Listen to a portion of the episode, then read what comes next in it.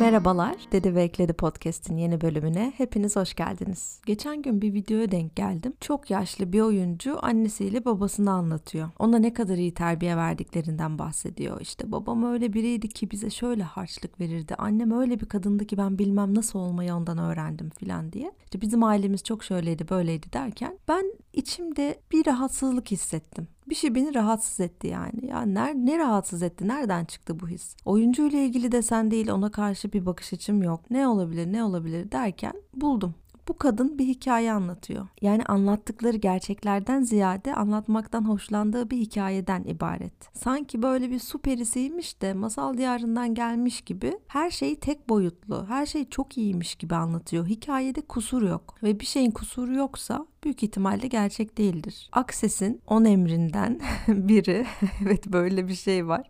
Akses pragmatik olduğu kadar da sarkastik bir sistem. Şöyle buyuruyor 10 emirden birinde. Hikaye anlatma, hikaye dinleme ve hikaye satın alma. İnsanlar uydurdukları hikayelerin yorumlanmış bir geçmişin içinde yaşıyorlar çünkü. Hikayeler hoşumuza gidiyor çünkü yaşananlar arasında bir neden sonuç ilişkisi kuruyor. O zaman o olmuştu o yüzden şimdi böyle oldu. İşte babam öyleydi o yüzden ben de böyle biri oldum. Bunları yaşadığım için bugün buradayım diyoruz. Geçmişle bu kadar bağlantılı bir şu an sanki hayat hikayemizi daha anlamlı kılıyor. Yani aslında temelde anlam ihtiyacımızdan sebep seviyoruz hikayeleri. Ve bunları bazen savunma mekanizması olarak da kullanıyoruz. İşte bunlar yaşanmasaydı ben de şu an böyle yapıyor olmazdım diyoruz. Yani travmayı şimdinin gerekçesi olarak kullanıyoruz. Ve aslında temelde travmada bir hikaye. Ama bu hikayelerin hepsi yargı, karar ve sonuçlandırmalardan ibaret. Yani katı inançlar sadece. Ya seçimlerimizi gerekçelendirmek zorunda hissetmeseydik. Sadece seçseydik. Olduğumuz kişiye bir hikaye uydurmamız gerekmiyor. Geleceğimizi yaratmak için geçmişin yargılarını değil, şimdinin sorularını kullansaydık hayatımız neye benzerdi? Yargı dediğimiz şey bizim realitemizi kısıtlar, daraltır. Böyle kuru üzüm gibi yapar bizi. Ama soru sormak güçlendirir, olasılıkları harekete geçirir. Herhangi bir zor durumda sorun bundan daha iyi nasıl olur? Ve her şey çok iyi giderken de sorun aynı soruyu. Olduğundan da iyisini talep edin her zaman. Bize hep kanaat etmenin, mütevazılığın, küçücük hayatlar yaşamanın erdemli bir şey olduğu öğretildi ve biz de erdemsiz olmaktan o kadar çok utandık ki daha fazlasını istememeyi öğrendik. Çocukken böyle İlla başınıza gelmiştir. Misafirlikte bir bardak daha çay ya da bir dilim daha kek istemenin ne kadar ayıp olduğunu hepimiz öğrendik. Daha fazlasını istemekle ilgili çok ciddi problemlerimiz var. Bundan o kadar utandırıldık ki bunu yaptığımız her an ya aç gözlü ya da görgüsüz olduk ve şimdi bunlar olacağız diye ödümüz kopuyor. Sadece iki duyguyu kullanarak misafirliğe götürdüğünüz çocuğunuzu kontrol edebilirsiniz ama aynı zamanda kitleleri de kolaylıkla manipüle edebilir, kalabalıkların davranışlarını yön verebilirsiniz. Utanç ve suçluluk. İşte içimiz bu ikisiyle dolu. Hepimiz ailelerimizden bu iki duygunun suistimal edilmesiyle terbiye aldık. Yani kültür böyle söyledi. Onlar da bunun suistimal olduğundan habersiz bir şekilde misafirlikte gözümüzün içine baktılar. Ya da sınırı aşan bir şey yaptığımızda ellerini ağızlarına götürüp çok ayıp dediler. Sokakta ağladığımızda herkes bize bakıyor diye bizi duygularımızdan utandırdılar. O zamanın ruhu buydu. X jenerasyonu bunları öğrendi, bunları uyguladı. Şimdi Y jenerasyonu yeniden ebeveynlik öğreniyor. Değil mi? Kitaplar okuyor, Reels'lar izliyor. Hem kendimize sıfırdan hem çocuklarımıza yeni nesil ebeveynlik modelleriyle yaklaşıyoruz hepimiz. Deniyoruz yani öyle diyelim. Çünkü şu anda zamanın ruhu buna el veriyor. Çünkü sıra bize geldiğinde internet bulundu. Müspet ilimler halka indi. Psikiyatri AB seyircisinin ayağına geldi. You know what I mean? Herkes kendi yarasına bakmaya başladı bir şekilde. Yani jenerasyonlar, kültürler ya da ebeveynler suçlu değil aslında. Zamanın ruhu neyi el veriyorsa o yaşanıyor. Şimdiki zamanın ruhu da yaraları iyileştir diyor. Bizler yani 1984-95 arası doğmuş olanlar Plüto akrep nesli olarak geldik yine astrolojiye. Dünyaya yedi ceddimizi şifalandırmaya geldik. Kozmik görev görevler. Biz travmalarımızı çözeceğiz. Birlik bilincinde toplanacağız. Hop meydan Plüto kova nesline kalacak ki onlar da 2024-42 arası doğanlar. Yani evet her, her şey bir noktada güzel olacak gerçekten. Ama biz fazla bir şey göremeyeceğiz. Çocuklarımız görecek. Krem döle krem bir nesilsiniz çocuklar gerçekten. Plüto akrebi yani bizim nesli nasıl daha iyi anlatırım diye şimdi Google'a yazdım. Diyor ki bu evrede doğan çocuklar geçmişin karmasını taşıyan, hayatlarındaki ruhani amacı sorgulayan insanlardır. Kozmik görev derken bunu kastediyordum. O yüzden zaman ruhu şifa diyor, terapi diyor. Her şey iyileşmek için. İyileşmek de içimizdeki o utandırılmış, suçlulukla terbiye edilmiş çocukla helalleşmeden katiyen olmuyor. Savunmasız kalmadan ne yazık ki gerçek bir iyileşme olmuyor. Ve savunmasızlık da olmadığıyla, olduramadımla, o zaten olmazdığıyla biraz böyle vakit geçirmekten, hemal olmaktan geçiyor. Yine Akses'in başka bir terimi. açık yara olma hali dediği bir şey var Akses'in. Bu savunma yapmadan ama kimseyi yani kendinizi de anne babanızı da ya da yaptığınız seçimleri de savunmadan, gerekçelendirmeden ama öyle yapmak zorundaydım başka çarem yoktu ama annem de annesinden öyle görmüş aslında iyi biri öyle demek istemedi. Bunların hiçbirine girmeden olanı sadece olanı olduğu gibi kabul etmek hali açık yara olmak. Kocam beni aldattı. Bitti. Bu gerçek var. Öyle olmuştu da aldatmıştı. Böyle zaafına gelmişti de ama bizim ilişkilerimizde problemler var. Buralara hiç girmeden gerçek ne kocam beni aldattı ve bununla yüzleşmemek için bir takım nedenler, bir takım gerekçelendirmeler üretmeden bu gerçek bize ne kadar acı da verse orada durarak, açık bir yara gibi orada durarak, olanı olduğu gibi kabul etmek hali, açık yara olmak duvarları, bariyerleri, savunma mekanizmalarını tatile çıkarmak. Herhangi bir şeyin biz hep yanında ya da karşısında durmalıymışız gibi geliyor. Çünkü öyle öğrendik. O yüzden bir şeyleri ya savunuyoruz ya da onları kınıyoruz. Ortasında durmak, tepkisiz kalmak diye bir şey aklımıza gelmiyor. O yüzden bunu kendimize öğretmeliyiz. İlk tepkimiz bu olmuyor. Bir şeyi ilk duyduğumuzda hangi tarafta olacağımıza bilinçsiz bir şekilde karar vermek istiyoruz. Yani zihin hemen diyor ki bu iyi mi kötü mü? Bunu savunuyor muyuz, kınıyor muyuz? Hemen hemen karar ver. Ama aslında her ikisini de yapmak zorunda değiliz. Eşit mesafede durabiliriz. İki ihtimale de. Tepki vermek zorunda değiliz. Neden bu kadar savunma yapıyoruz peki? Neden sürekli bir savunma hali içerisindeyiz? Çünkü içimizde çok fazla suçluluk var. Çok fazla özür diliyoruz. Çok fazla mahcup oluyoruz. Duygusal bir milletiz ve bu duyguları her an tetikleyebilecek çok fazla tabumuz ve kutsalımız var. Yani konuşulacak ne varsa tabu kültürde. Cinsellik, aile değerleri, din, inanç, milliyet, tüm akacak muhabbetler yasaklanmış gibi. Yuvarlak olmayan her cümlenin ucu canımızı sıkacak bir yere dokunuyor. İşte biraz da bu yüzden 60 yaşına gelip hala çocukluğumuzdan peri masalı gibi bahsediyoruz. Suçluluk ve utanç bu diyarda hiç var olmamış gibi anlatıyoruz hikayemizi. Belki bazılarımız tabii ki daha gerçekçi ama bunu hepimiz yapıyoruz. Hepimiz geçmişimizle ilgili bazı noktaları birleştirip bir hikaye yazıyoruz. Sonra da bunu o kadar çok anlatıyoruz ki hem kendimize hem başkalarına bir süre sonra gerçekmiş gibi bir illüzyona kapılıyoruz. Kendimiz de inanıyoruz hikayemize. Halbuki geçmiş hakkında elimizdeki tek şey büyük ihtimalle hafızamızda kalan birkaç anı. Ki onlar da muhtemelen kötü anılar. Çünkü zihin acı veren şeyleri daha fazla hatırlıyormuş. Yani nörobilim öyle diyor. Zaten çok çok az sayıdalar yani. Desem ki 5 yaşından 6 yaşına kadar ki o koca bir senede neler oldu? Kaçımız kaç tane şey söyleyebilir? Bilinçte yok böyle bilgiler. Asla hatırlamıyoruz. O yüzden böyle hikayesine fazla tutunmuş, inanarak ballandıra ballandıra anlatan birini gördüğüm zaman bana bir tık gülme geliyor. Yani bir insanın uydurma bir şeye bu kadar kendini kaptırmış olması, bir yalanın içine yerleşirken hiç ayılmamış olması bana komik geliyor. Uyandırmak gibi olmasın ama ben böyle bir evde büyüdüm dediğimiz şey sadece bize öyle geliyor. Yani tamamen yanlış hatırlıyoruz demiyorum bakın ama çok eksik. Hikayemiz geçmişimizdeki hangi noktaları birleştirdiğimize göre bin bir farklı şekilde anlatılabilir. Bu videoyla ilgili rahatsız olduğum bir başka şey de şuydu. Videodaki hanımefendi 60 yaşının üzerinde zannediyorum. 60 yaşın üzerinde birinin ebeveynlerinin ne kadar iyi ebeveynler olduğunu söylemesine ben şahsen inanamıyorum. Yani hem inandırıcı gelmiyor inanamıyorum hem aklım almıyor. Çünkü neden? Çünkü şundan kendini tanımaya niyet etmiş her insanın karşılaştığı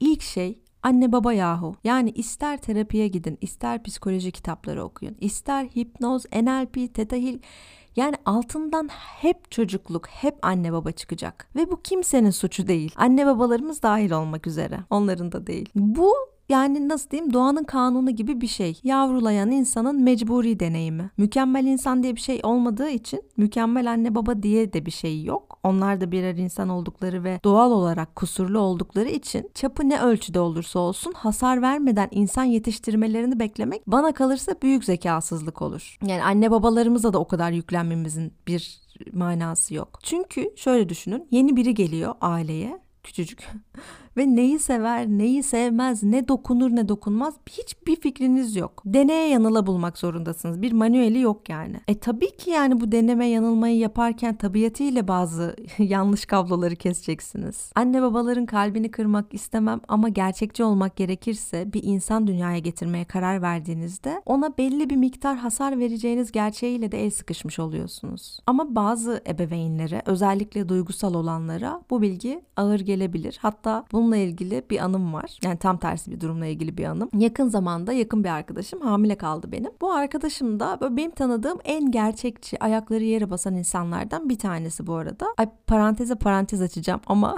kendimle ilgili son zamanlarda fark ettiğim bir şey. Yine doğum haritamı anladıkça geldi farkındalık. Ya bir şey söyleyeceğim. Bir parantez daha açacağım. Paranteze parantez açmak zorundayım. Sonra geri toplayacağım hepsini söz. Ama doğum haritanızı öğrenin ya. Yani o kadar muazzam bir farkındalık katıyor ki yaşamınıza hayatınıza. Hani böyle istemsiz yaptığınız şeyler, kendiliğinden çekildiğiniz insanlar ya da tekrar edip duran olaylar olur ya. Onlar cuk diye yerine oturuyor ya. Diyorsunuz ki ha tamam bende bu enerjiden olduğu için ben buna çekiliyorum. Başıma o yüzden bu tarz şeyler geliyor. Yolum e, bunlarla kesişiyor. Yani enerjilerinizi tanıyorsunuz ve o enerjiyi yönetmeniz haliyle kolaylaşıyor tanıdığınız için. O yüzden hayatı inanılmaz kolaylaştıran bir şey. Kendini bilmek hayatı kolaylaştıran bir şey yani. Ne yazıyor Apollon tapınağının girişinde altın harflerle kendini bil. Bu bilgi bana ilk geldiğinde demiştim ki evet ya yani benim de bir tapınağım olsa ve altın harflerle bir şey yaz deseler kesinlikle bunu yazarım. Biri gelse bana tek bir hayat bilgisi lazım dese yine bunu veririm. Bence bu hayattaki en önemli mesele ki bunun nedenli önemli bir mevzu olduğu hakkında kanıta ihtiyacımız yok ama bana katılan çok sayıda felsefeci, sanatkar da mevcut. Yunus Emre gibi mesela. Ne demiş? İlim kendin bilmektir demiş kendisi. Aurelius komutanım da demiş ki başka birinin ruhundakileri izleyip anlamadığı için bedbaht olana pek sık rastlanmaz demiş komutanım.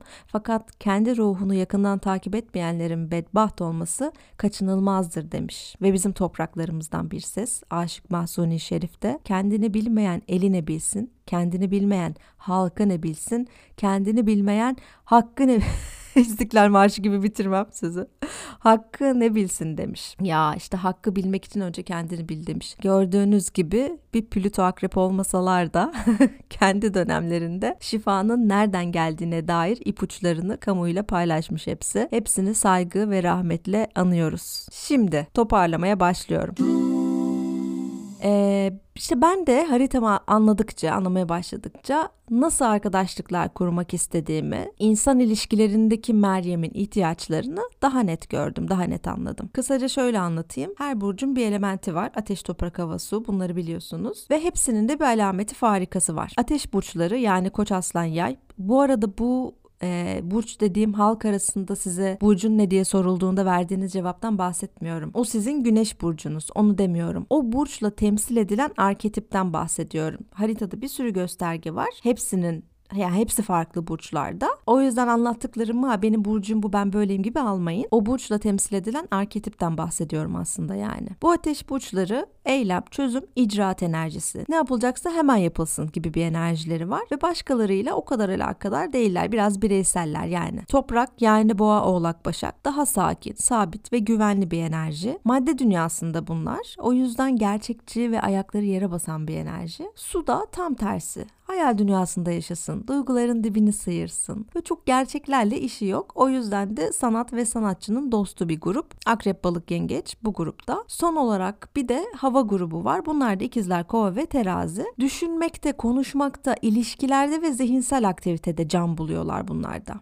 Şimdi benim haritamın tamamı toprak ve hava. Ateş de var ama su neredeyse hiç yok. Bu şu demek. Duygular, duygusallık pek benim olayım değil. Haritada nasıl ilişki kurduğumuzu ve neye değer verdiğimizi Venüs burcumuz gösteriyor. Duygularla ilgili meseleleri yani nasıl seviyoruz, nasıl sevilmekten hoşlanıyoruz, duygusal ihtiyacımız ne gibi konuları da Ay burcumuz anlatıyor. Yani her türlü duygusal ilişki bu ikisinden soruluyor ve benimkilerin ikisi de bir hava burcu olan Kova'da. Yani benim duygu dünyamın rahatı için Kova arketipinin gerektirdiği şeyleri sağlıyor olmam lazım kendime. Onlar da neler? Kendi özgünlüğümü yani başkasına benzemezliğimi yaşayabilmek, kendi alanımı, özgürlüğümü koruyabilmem ve zihinsel yakınlık kurabilmem gerekiyor. Kimisi arkadaşından duygusal destek bekler değil mi? İşte özel gününde aramasını bekler.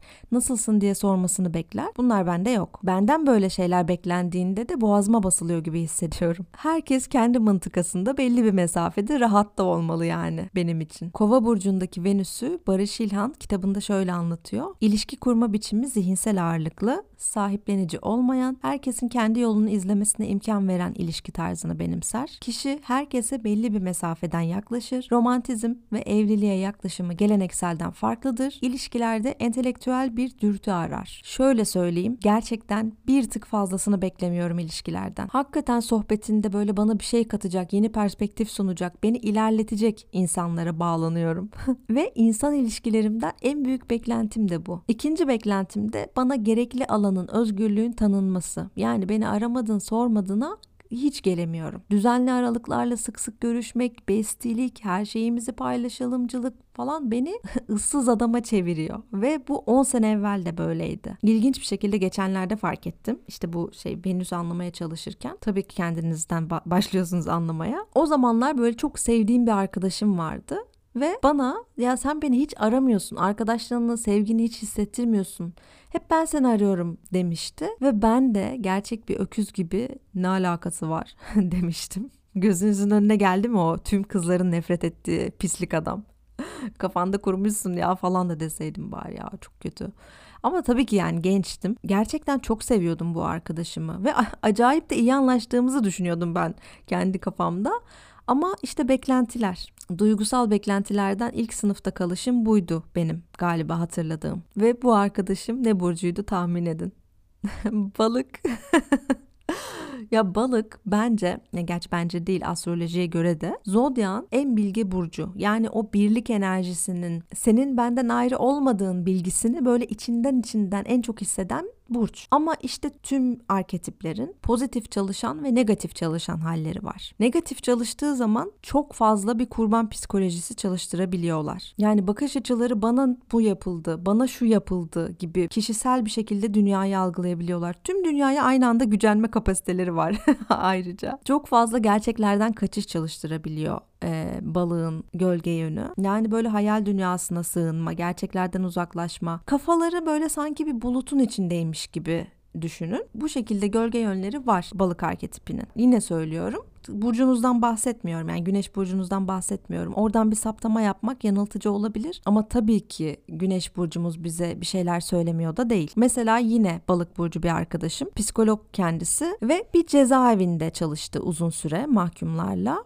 Ya bu var ya yani ay keşke herkes astroloji bilse. Ya öyle bir sembol dili ki hayatın içinde böyle o sembolleri takip ederek bir yere varmak aşırı eğlenceli bir şey. Çünkü balık yardım etmek, ruhsal şifa vermek, e, empati yapmakla alakalı. Yani psikolog olmaya aslında çok uygun bir meslek ve balığın evi olan 12. evin sembolize ettiği şeylerden biri de hapishaneler ve tecrit edilmek. Bu iki kelime geçer kaynaklarda yani. Ve arkadaşım bu ikisini bir araya getirmiş. Ya yani elbette bir hikaye yazıyorum şu anda. Balık burcu olduğu için cezaevinde psikolog olarak çalıştı diyemeyiz. Ama güneş burcumuz bizim ışığımızı başkalarıyla e, paylaştığımız alanı bize anlatır. Yani bizde fazla verileni insanlara ne konularda e, dağıtacağız. Bunu söyler. Arka planda işleyen enerji balık enerjisi olunca e, onu öyle bir meslek yaşamına da götürmüş olabilir tabii ki. Yani tamamen de etkisi yok diyemeyiz. Öte yandan az önce bahsettiğim eski arkadaşım da doktor oldu. Yani yine kurtarmak, yine şifa vermek konuları. Yani hikaye diyorum ama içine girdikçe de aslında sadece güneş burcu değil haritanın tamamına bakıp yani o kadar isabetli sonuçlar alınıyor ki gerçekten bir şey yani. Haz diyar benim için astroloji. Daha geçen hafta hafta bir arkadaşımın haritasını açtık beraber otururken. İşte hem muhabbet olsun hem bana pratik olsun biraz diye. Açar açmaz bir gösterge dikkatimi çekti. Ve aslında o kadar çok önemli bir şey de değil ama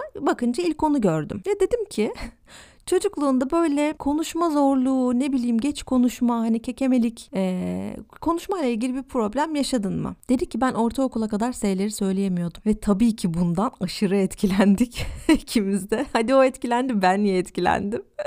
Ama işte büyüleniyorum yani böyle şeyler olunca. Sonra gördüğüm diğer şeyleri yorumladım işte ve o kadar böyle söylediğim bazı cümleleri yakın zaman örnekleriyle doğruladı ki. Yani acayip eğlendiğimiz amatör bir seans oldu. Şimdi bunu anlatacağımı bildiğinden merakla dinliyordur buraları.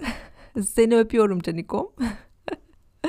Arkadaşlar diyeceksiniz ki bu yeni mi çıktı selam gönderme işi radyo programı gibi. Buranın benim podcast'im olduğunu ve istediğimi konuşabileceğimi yeni yeni fark ediyorum inanın. 2023 benim rahatsızlık vermek, kabul edilmemek, hatta ayıplanmakla da sonuçlansa kendi seçimlerimi yaşamaya yemin ettiğim bir yıl oldu. Yani bu yola baş koyduğum bir seneydi. 32 senedir ilk kez hayatımda doğru şeyi yapmak için değil, kendi içimden geleni yapmak için hizalandım bir sene boyunca. Enerjimi buna harcadım. İçimden geleni yapmaya. Ve hazır içimden gelenin de konusu açılmışken rica ederim bana podcast'te ya da Instagram'da bahsettiğim herhangi bir şeyle ilgili o ben miydim, şurada kimi kastettin diye sormayın. Lütfen bunu tahmin etmeye çalışmayın. Konu o değil. Konu o değil ya. Bir yazım atölyesinde hocamız demişti ki bakın o ne der bu ne düşünür diye yazmaya başlarsanız yazı yazamazsınız. Gerçekten yazamam. Yani ben kendimi anlatıyorum ve siz benim kendimi deneyimlediğim şeysiniz. Sizden tabii ki bahsedeceğim. Bana nasıl davranıldığı, bana ne söylendiği, bende ışık yakan şeyin ta kendisi. Milli Eğitim Bakanlığı resmi onaylı yayını değil ki burası. Anlatılar sadece böyle nesnel gerçekliklerden oluşsun. Lütfen merakınızı dizginleyin ve kişiselleştirmeyin. Dedikodu yapayım diye anlatmıyorum zaten anlattıklarımı. Kaldı ki sizden bahsetmişsem ve iyi bahsetmemişsem demek ki o kadar yakınım değilsiniz. Sizle o konuyu konuşmak isteseydim konuşurdum zaten. Evet neyse ne dedik? Özetle benim insan ilişkilerindeki ihtiyacım zihinsel yakınlık, karşılıklı beklentisizlik ve aslında bir de e, Uranüs-Merkür kavuşumundan sebep ortak mizah anlayışı. Gerçekten şakasız insana gelemiyorum. Bütün bunları anladığımdan beri yanında olmaktan, arkadaşlık etmekten hoşlandığım ve hoşlanmadığım insanları gözlemlemeye başladım. ve imkan varsa haritalarını da soruyorum. Daha çok datam olsun diye. Ve şunu fark ettim. Toprak, hava ve ateşli haritalarla boncuk gibi anlaşıyorum. Çünkü bana benziyorlar. Öngörülebilir, mantıklı, gerçekçi ve mesafeliler. Bunlar harika. Keşke herkes böyle olsa diye anlatmıyorum. Yani bunlar yanlış değil. Bunlar sadece benim sahip olduğum enerjiler. Mesela sezgiden ziyade zihni referans almak ya da duygularını yaşamaya belki çok alan açamamak da bu enerjilere dahil. Ama bunlar da iyi ya da kötü değil. Sadece bu bir enerji ve ben de bundan çok var. Çok empati yapamamak da var mesela. Mesela buna toplum iyi bakmaz aslında empati yapamamak sanki kalpsizlikmiş gibi, halden anlamıyormuş gibi bir şekilde anlatılır. Ama bana kalırsa da empati yapmak bir zaman kaybı. Onun çözümü varsa çözeriz. Birine olan bir şeyin acısını burada hissetmek sadece o acıyı çoğaltıyor bana kalırsa. Yani dolayısıyla aslında hiçbir enerji doğru ya da yanlış değil. Sadece bundan bende çok olduğu için yani o enerjilerin yanında rahat ediyorum ve su burçlarıyla sınanıyorum inanamazsınız. Çünkü duyguları çok down yaşıyorlar ve nerede kaos haliyle nerede drama bu kardeşlerim orada. Tamamen duygusal hareket etmeleri falan beni çok zorluyor. Yani benim için çok dalgalı bir seyir bu. Duygulardan işlemek herkes için çok fırtınalı bir şey zaten ama benim için arkadaşlıkları ekstra beklenti, duygusallık ve alınganlık içeriyor. Dediğim gibi bunlar yanlış diye anlatmıyorum. Ben bu olmadığım için bana zor bunlar. Bir de şu var. Kova enerjisi çok analitik bir enerji. Yani objektif bakıyor her şeye. Kendine de tabii ki. O yüzden kişisel almıyor hiçbir şeyi. Aynı sebepten empati kuramıyor aslında. O yüzden böyle çok direkt konuştuğu için kırıcı olabiliyor bazen. Ya da çok ofansif şaka yapan, sarkastik konuşup milleti gücendiren biri varsa arkadaş çevrenizde hemen gidin sorun kova mısın sen diye. Gücenenlere de sorun bakın illa balık ya da yengeçtirler. gerçekten ben alıngan insanlarla çok fazla sınandım ve en tahammül edemediğim şey alıngan insan gerçekten. Nedenine de aslında bütün bunların nedenine biraz sonra geleceğim. Ondan önce toplamaya kaldığım yerden devam ediyorum. Astroloji öğrendikten sonra duygusal ihtiyacımı bilmek hem kendimle ilişkime hem başkalarıyla ilişkime ciddi bir berraklık getirdi ve farkındalığım ister istemez yükseldi. Bu haritasına baktık dediğim arkadaşım var ya mesela onun haritasında çok ilginç benim kadar bile su yok ve aşırı iyi anlaşıyoruz yani. Hiçbir muhabbetimizde birbirimize böyle bir şeylerden sızlandığımızı, dramatik bir şeyler konuştuğumuzu, vay niye böyle oldu başımıza şular geldi ben bunu hissettim falan gibi bir şey konuştuğumuzu hatırlamıyorum. Bu arada beni rahatsız eden şey duygular kesinlikle değil. Beni rahatsız eden duygularda boğulmak, o dramatiklik, çözüm aramadan mağduriyete, kendine acımaya düşmek, ağlaklık, alınganlık, böyle iradeyi vıcık vıcık duygularda kaybetmek. Tahammül edemediğim şey bu. Ve yani buna neden tahammül edemediğim de bence çok açık. Bunu beceremediğim için, duygularımı yaşamaktan korktuğum için, duygularımı yaşarsam başıma bir şey gelecek zannettiğim için ya da bunun beni zayıf göstereceğini düşündüğüm için içten içe. Yani bunun bir sürü sebebi olabilir ya da hepsi de sebep olabilir. Ama yani benim rahatsız olma sebebim onu benim beceremiyor olmam zaten. Bu herkes için böyle bu arada. Bir şey sizi çok triggerlıyorsa ondan ya sizde de vardır ya da o konuya çok fazla direnç gösteriyorsunuzdur bir korkut sebebiyle artık neyse. O yüzden bu anlattıklarım bir başkasıyla ilgili değil. Tamamen benimle ilgili. Tamamen benim bakış açım, benim e, çalışmam gereken bir şey. Neyse ki arkadaşım da Venüs Kova benim gibi ve Ay Oğlak'tı. İsler gibi gittik sohbetimizi. Biraz daha geriye saracak olursam. Bu hamile arkadaşımdan bahsediyordum. Bu arkadaşım da Koç burcu. Haritasını bilmiyorum ama tahminimce onda da pek su yoktur. Dediğim gibi tanıdığım en realist insandır. Gustav Flaubert'ten bile daha realist. Nasıl entelektüel ama zorlama şakam. Üf. Neyse geldi ve yaptım.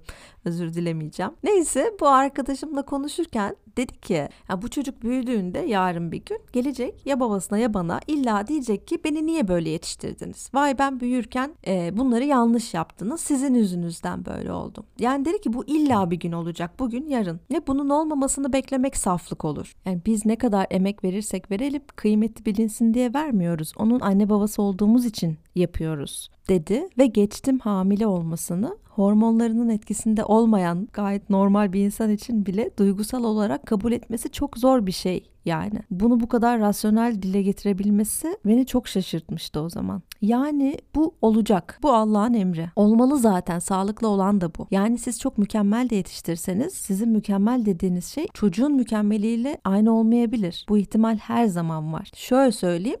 Anne babanın iyisi kötüsü olmaz ve şaka yapmıyorum. Yani sizinkiler çok kötüydüler. Bazı şeyleri daha farklı yapsalardı böyle olmazdı diye düşünüyorsanız da yanılıyorsunuz. Yok sizinkiler bir taneydiler, eşleri benzerleri yoktu diyorsanız da kendinizi büyük kandırıyorsunuz. Ne böyle bir kantar var ne böyle bir terazi. Burada da hikaye yazmak istiyoruz aslında işte. Zihnimiz bir şeyler arasında neden sonuç ilişkisi kurunca tamamlanmış hissediyor. Başı sonu belli şeylerden hoşlanıyor ama hayat öyle bir yer değil. Sebebini anlayamayacağımız, şartlar daha farklı olsaydı neler olurdu bilemeyeceğimiz çok fazla şey var hayatta. Zihnimiz de zaten bu bilinmezlikle başa çıkamadığı için hikayeler yazıyor. Bir sonuca varmadan rahat edemiyor ama sonuçlara varmak, yargılara varmak demek ve bu sizi yanıltır. Yargıya vardığınız, sonuçlandırdığınız, karar verdiğiniz, bu budur dediğiniz şeyler sadece yaşamınızı kısıtlar. Böyle küçücük işte sonra kuru üzümler gibi yaşarsınız. Zaten çok fazla insan yapıyor bunu. Yani sorsak asla birer kuru üzüm olduklarını kabul etmezler. Ama doğrularıyla, yanlışlarıyla, yargılarıyla çizdikleri bir çemberin içinde döne döne yaşıyor insanlar. Velhasıl eğer 60 yaşında biri hala ebeveynleriyle iftihar ediyorsa, çok iyi çocuk yetiştirdiklerini falan söylüyorsa ya doğru düzgün iç çalışmasını yapmamıştır. Hiçbir şeyle yüzleşmeden de 60 yaşına gelinir çünkü. Ya da ailesiyle gururlanmaktan beslenen sağlıksız bir egosu vardır. Benim fikrim bu. İki durumda da kendine dürüst davranmıyordur, kendini kandırıyordur. Neden böyle söylüyorum biliyor musunuz? Kendine dürüst davranan, kendini samimiyetle inceleyen, objektif bir şekilde farkındalıkla gözlemleyen, kendi iç çalışmasını yapan biri illaki görmeyi arzu etmediği şeyleri görecek kendinde. Bu karşısına illa çıkacak. Bu yol böyle bir yol yani. Ve bunlar nereden geliyor? Yani ben bunları nereden öğrendim dediği an tabii ki ailesini bulacak. Başka kimi bulacak? Eşiyle kavga ederken annesinin babasına olan öfkesini taşıdığını ve bu öfkeyi kendininmiş gibi sahiplenip acısını da eşinden çıkardığını fark edecek. Ya da bir gün kendi iç konuşmasında anne babasının sesini duyacak. Onların cümleleri kulaklarına gelecek. O zaman fark edecek. Kendinden beklediklerinin ne olduğuna bakınca aslında onların babasının ondan bekledikleri olduğunu fark edince fark edecek. Annesinin ona güvenmediği konularda kendine hiç güvenemediğini anladığında fark edecek. Yani bunlar kendini iyileştirme işine bir yerinden bulaşmış herkesin içinden geçtiği normal süreçler. Ben hiç terapiye gitmedim ama farklı zamanlarda farklı kişilerden terapi alan bir arkadaşıma nasıl gidiyor diye sormuştum bir kere. Ya dedik ya gitmiyorum artık ya. baydım anam babamı konuşmaktan baydım.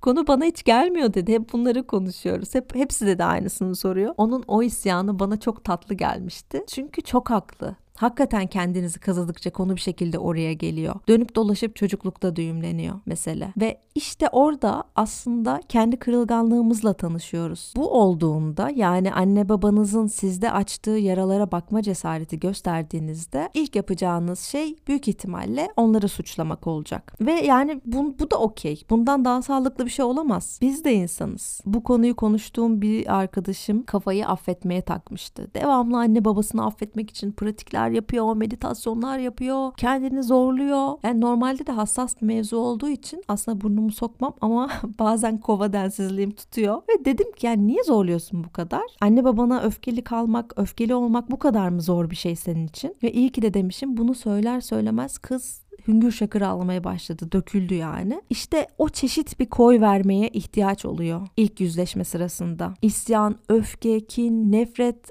artık her neyse duyguları yargılamadan ne açığa çıkıyorsa hepsine izin verdiğimizde yok o bana yakışmaz bu hiç erdemli değil affetmeliyim falan gibi bunlara hiç girmeden hepsine alan açınca duyguların eninde sonunda gidiyorlar kayboluyorlar etkilerini yitiriyorlar bir süre sonra çünkü neden duygular geçici düşünceler gerçek değil. Bizim fırtınalar koparken orada olmamız gerek. Kültürümüz bize anne babamız hakkında kötü şeyler düşününce suçlu hissedeceksin diyor. O yüzden bunlara hiç iznimiz yokmuş gibi hissediyoruz hep. Bu bir hatırlatıcı olsun hepimize, en çok da bana. Her şeyi hissetmeye hakkımız var ve bu normal. Öfke de normal, kin de normal. Yeter ki bu duyguları inkar etmeden, gerçeklerden kaçmadan o ilk geldiklerinde anne babamız çok kusursuzmuş ve hiç yaralanmamışız rolü oynamadan gelen duyguya alan açmak. Ağlamaksa ağlamak, yazmak, çizmek, yürümek artık nasıl sağaltacaksanız o duyguyu. Ama şunu unutmayın. Duygularınız size ait. Yani sizin sorumluluğunuzda. Bir başkasına bana bunu niye yaşattın? Niye bana öyle yaptın diye hesap sormak, duygunun sorumluluğunu almaktan kaçmak demek aslında. Ya da öfkeni başkasından çıkarmak. Uzman değilim ama özellikle anne babanızla bu tarz yüzleşmelerin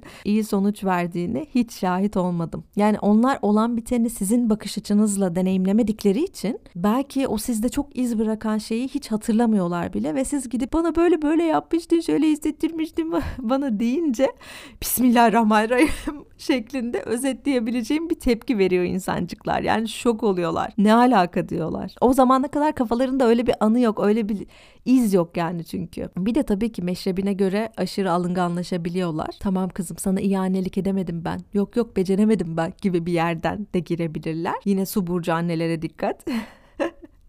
Bilmiyorum yani bu az önceki rasyonel arkadaşım ileride çocuğuyla böyle bir yüzleşmeye belki okey olur. Belki şu anda da vardır öyle ebeveynler ama yani dediğim gibi uzman değilim. Bildiğim bir tek şey var. Duygular geldiğinde onların sizi kontrol etmemesini kendinize öğretmeniz gerekiyor. Yani duygularımızı yaşayacağız evet ama onlarla hareket etmeyeceğiz. Formül bu. Çünkü duygusal hareket etmek ilişkileri yıpratan bir şey. Hayat kalitesini düşüren bir şey.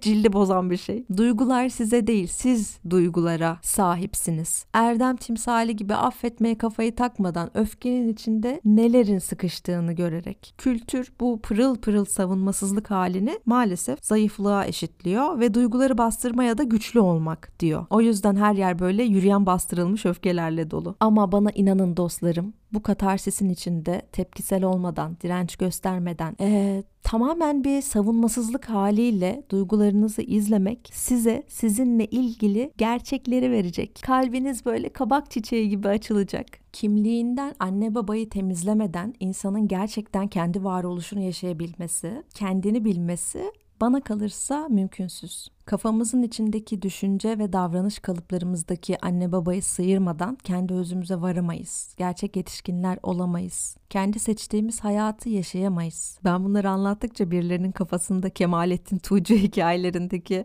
böyle yaşlı babasının kafasına kalıp sabunu vura vura banyo yaptıran acımasız evlat canlanıyor. Biliyorum. Bizim kültürümüzde bu işler fazla dramatik algılanıyor. Ama aslında dramatik değil, pragmatik bir şeyden bahsediyorum savunmasız kalma cesaretini gösterirseniz bir düşünün komplekslerinizden, ezilmişliklerinizden. Yani utanç ve suçluluk duygularının ayyuka çıktığı türlü deneyiminizden artık daha fazla kaçmak zorunda kalmayacaksınız ve dolayısıyla kimse de size buralardan zarar veremeyecek. Savunma mekanizmalarınıza gerek kalmayacak. Cennet dostlarım cennet ve şuna inanın siz kendinizi iyileştirmeye niyet edince yani niyeti odağı oraya çevirince enerji de o yöne akıyor. Hayat da yardım ediyor size. Bölümün son hikayesini kendi hikayemi anlatacağım şimdi size. Beni dinlerken bunun da bir hikaye olduğunu unutmamanızı rica ediyorum.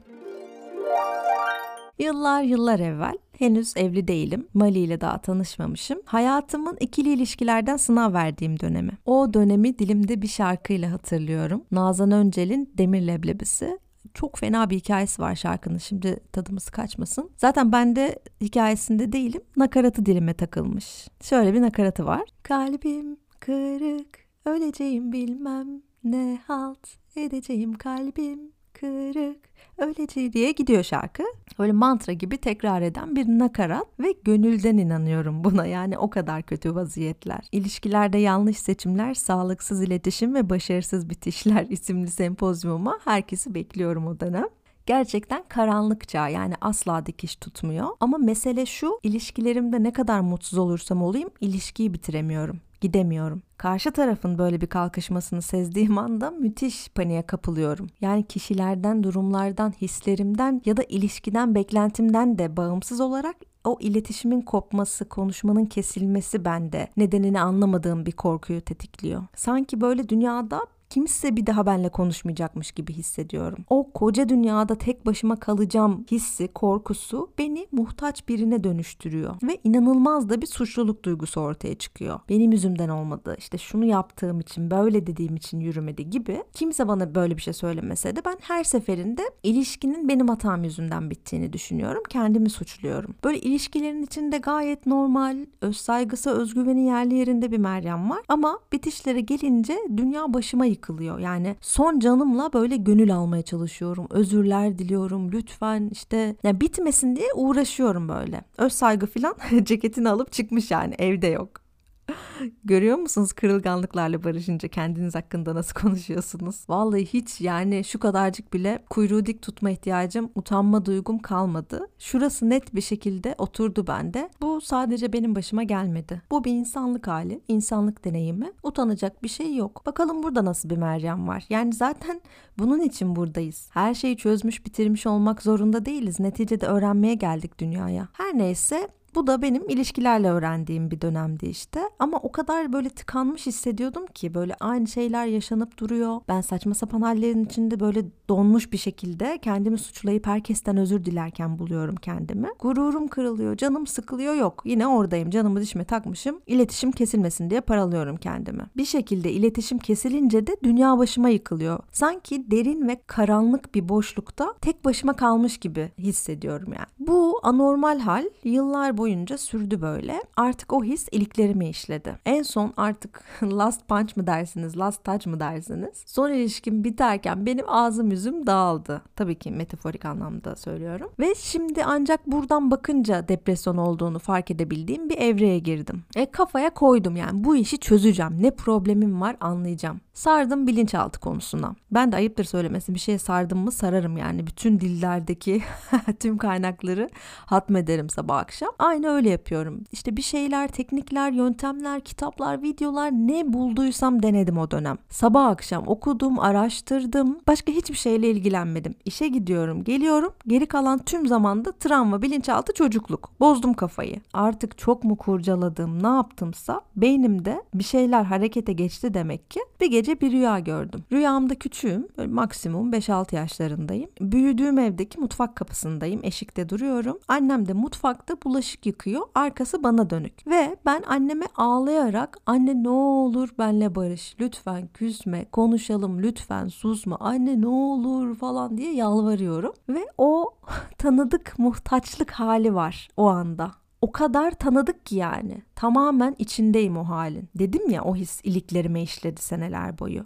Aynı his. Rüyamda tam göğsümde. Müthiş bir karanlık ve boşluk. Sanki dünyada tek başımayım. İnanılmaz suçlu hissediyorum annemi küstürdüğüm için. Ne yaptım bilmiyorum. Rüyada o yok. Ama eminim yani benim hatam. Özürler diliyorum, yalvarıyorum ama asla yüzünü dönmüyor annem. Böyle hep arkadan görüyorum. İletişimi kesmiş benimle. Hani böyle dizilerde olur ya rüyadan ağlayarak uyanırlar filan. Ben hıçkırmaktan nefesim kesildi de uyandım. Ya varmış öyle bir şey gerçekten. Sonrasında da bayağı bir ağladım. Hayatımda hiç öyle bir duygu boşalması yaşadığımı hatırlamıyorum yani.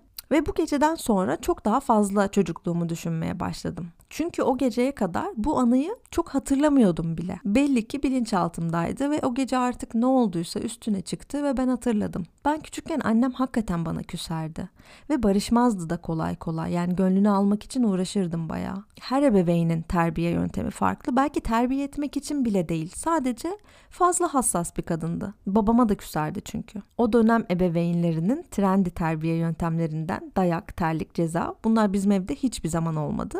Ama bu vardı işte. Konuşmamakla, kendinden mahrum bırakmakla terbiye etmek. Kendi duygularını nasıl taşıyabileceğiyle ilgili en ufak bir fikri olmayan bir çocuğu kendi duygularıyla baş başa bırakmak. Bu arada çok şaşıracaksınız.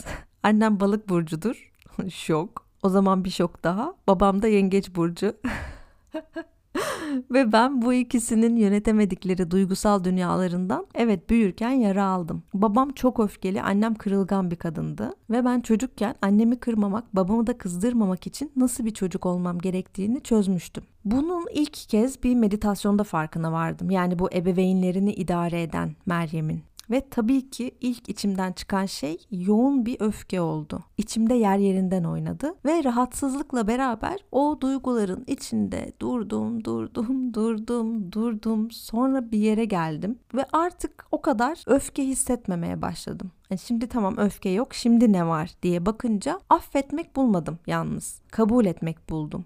Yani affedilecek bir şey şu, bu, şu andan bakınca hala görmüyorum. Bana yapılmış bir hata, bir yanlış, bir haksızlık görmüyorum kaçınılmaz bir hasar görüyorum. Şimdi olduğum yerden nihayet her şeye eşit mesafeden bakabiliyorum ve kişiselleştirmiyorum. Annem babam başka insanlar olsaydı onlar da başka hasarlar bırakacaktı. Dediğim gibi yani bu işin mecburi doğası bu. Ya da belki benim yerimde bir başkası olsaydı belki hiç etkilenmeyecekti annesinin ona küsmesinden. Hangi durumun kimde nasıl bir etki bırakacağını öngörmemiz mümkün değil. O yüzden uzmanlar işte bunlar bunlar travmadır, şunlar şunlar travma değildir gibi bir şey söyleyemiyor. İnsan kompleks bir varlık çünkü o yüzden doğru ve yanlış yok. Öte yandan bu anıya çok büyük önem atfedersem yani kimliğimin bir parçası yaparsam hikayeme tutunmuş olurum. Annem bana böyle davrandığı için işte ben de bunları yaşadım gibi bir yerden hikaye anlatmaya başlarsam o zaman bir neden ve sonuca, haklı ve haksıza, güçlü ve mağdura tutunmuş olacağım. Ama bunları aramak, bunları tespit etmek, hayatı böyle ikiye bölmek bana hiç tat vermiyor. Yaşadıklarımıza dramatize etmeden gerçekçi bir yerden yaklaşmanın iyileşmek için muhakkak gerekli olduğuna inanıyorum.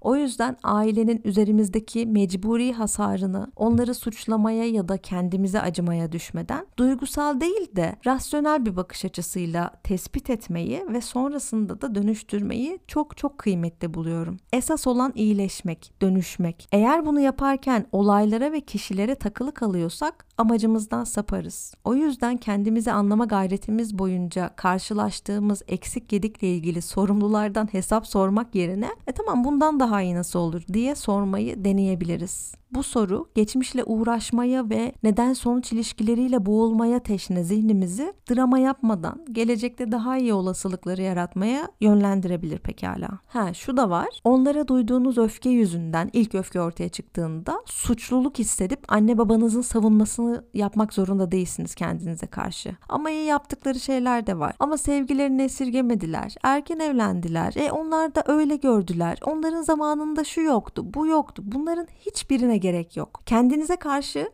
onların hakkını savunmak zorunda değilsiniz. Ya da tam tersi onları suçlamak zorunda da değilsiniz. Ya bunu bana nasıl yaparlar hiç mi düşünemedim? Bunların da hepsi anlamsız. Suçlu aramaya bulmaya çalışmıyoruz. İyileşmek için hasar tespiti yapmaya çalışıyoruz. Bir şeyin illa ya karşısında duracağız ya da yanında olacağız diye bir şey yok. Yani taraflardan biri kendimiz olsak da tam ortada durabilmeyi kendimize öğretebilmeliyiz. Ancak o durumda drama yapmadan, acımadan ve suçlamadan olanı olduğu gibi görebiliriz. Bir de şunu hatırlamakta fayda var. Bu olmak zorunda. Yani hasar döngüsü aile kurup yavrulayan tüm insanların mutlak yazgısı. Kişisel bir şey değil.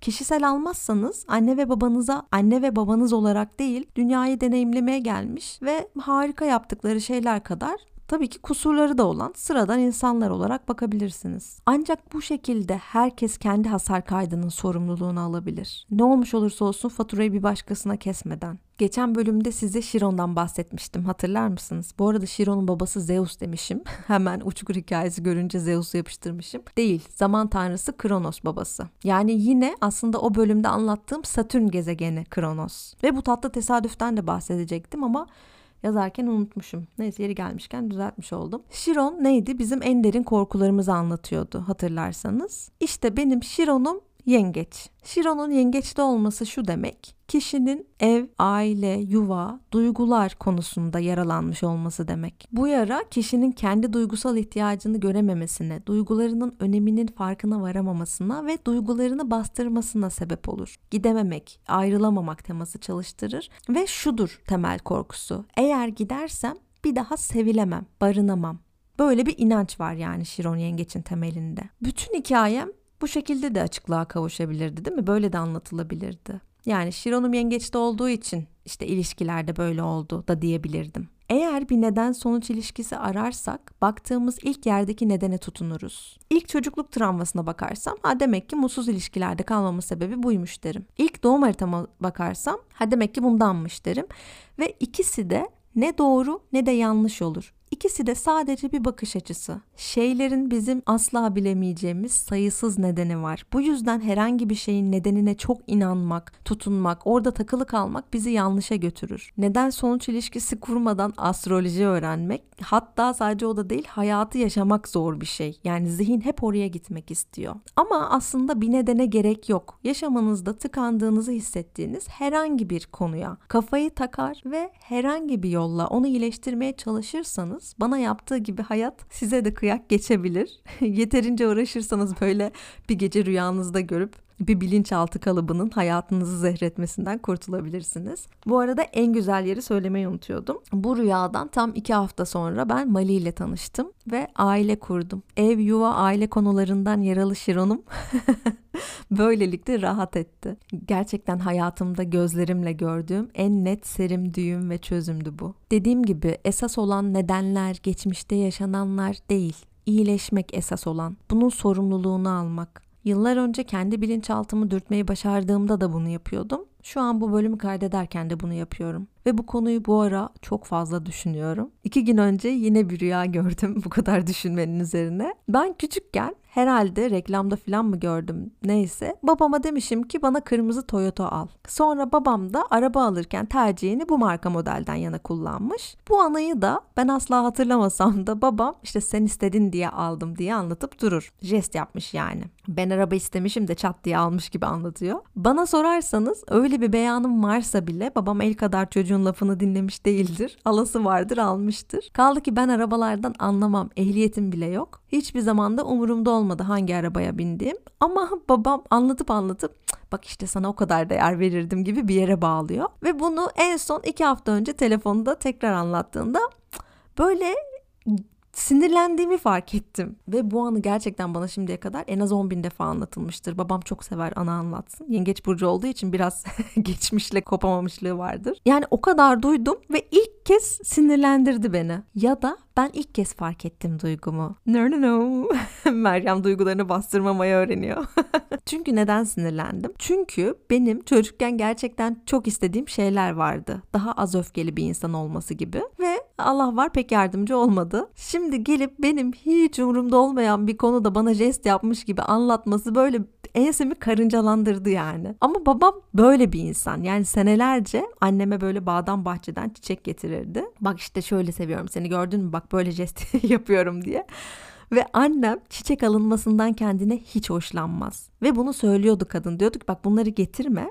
Bana bunun yerine sofrayı toplamamda yardım et. Benim için çok daha makbule geçer. Çok daha kıymeti var bak diye dedi yani ve bunu bir kez bile yapmadı ya adam. Yani karşıdakinin sevgi dilini anlamaya kapalı, kendi dünyasında hoşluklar yapıyor ve bu hoşluklarla da övünüyor böyle bir adam. O yüzden bunun da kişisel olmadığını biliyorum zaten. Onun sevgisini gösterme şekli o yani. Ne kadar bana uymazsa uymasın o öyle seni seviyorum diyor. Ama yine de orada sinir, öfkenin ortaya çıktığını görmek hoşuma gitti. Çünkü demek ki izin verdim buna. Daha önce aynı şeyi defa defalarca duydum. Ya ben niye şimdi öfkelendim? Bu çok mantıksız gibi bir yerden yaklaşmadım duyguları mantıksız da olsa kabul etmek benim için yani ne kadar önemli, ne kadar büyük bir kazanım anlatamam. Bu kazanımın gecesinde de şöyle bir rüya gördüm. Kardeşim şoför koltuğunda ben yanında oturuyorum. Kırmızı Toyota'ya sürüyoruz. Onun ehliyeti var diye mi verdim ona direksiyonu bilmiyorum. Böyle dimdik yokuş aşağı bir yola giriyoruz arabayla ve arabayı son son gaz sürüyoruz. Araba taklalar atıp dakikalar içinde pert oluyor ama biz kolaylıkla çıkıyoruz arabanın içinden ve böyle hiçbir şey olmamış gibi bizimkilerin yanına gidiyoruz. Babamın yanına gidiyoruz. Haberi ben vereceğim. Ee, ve babama söylerken kelimelerimi dikkatle seçiyorum. Eskiden yaptığım gibi onu kızdırmamaya çalışarak konuşuyorum.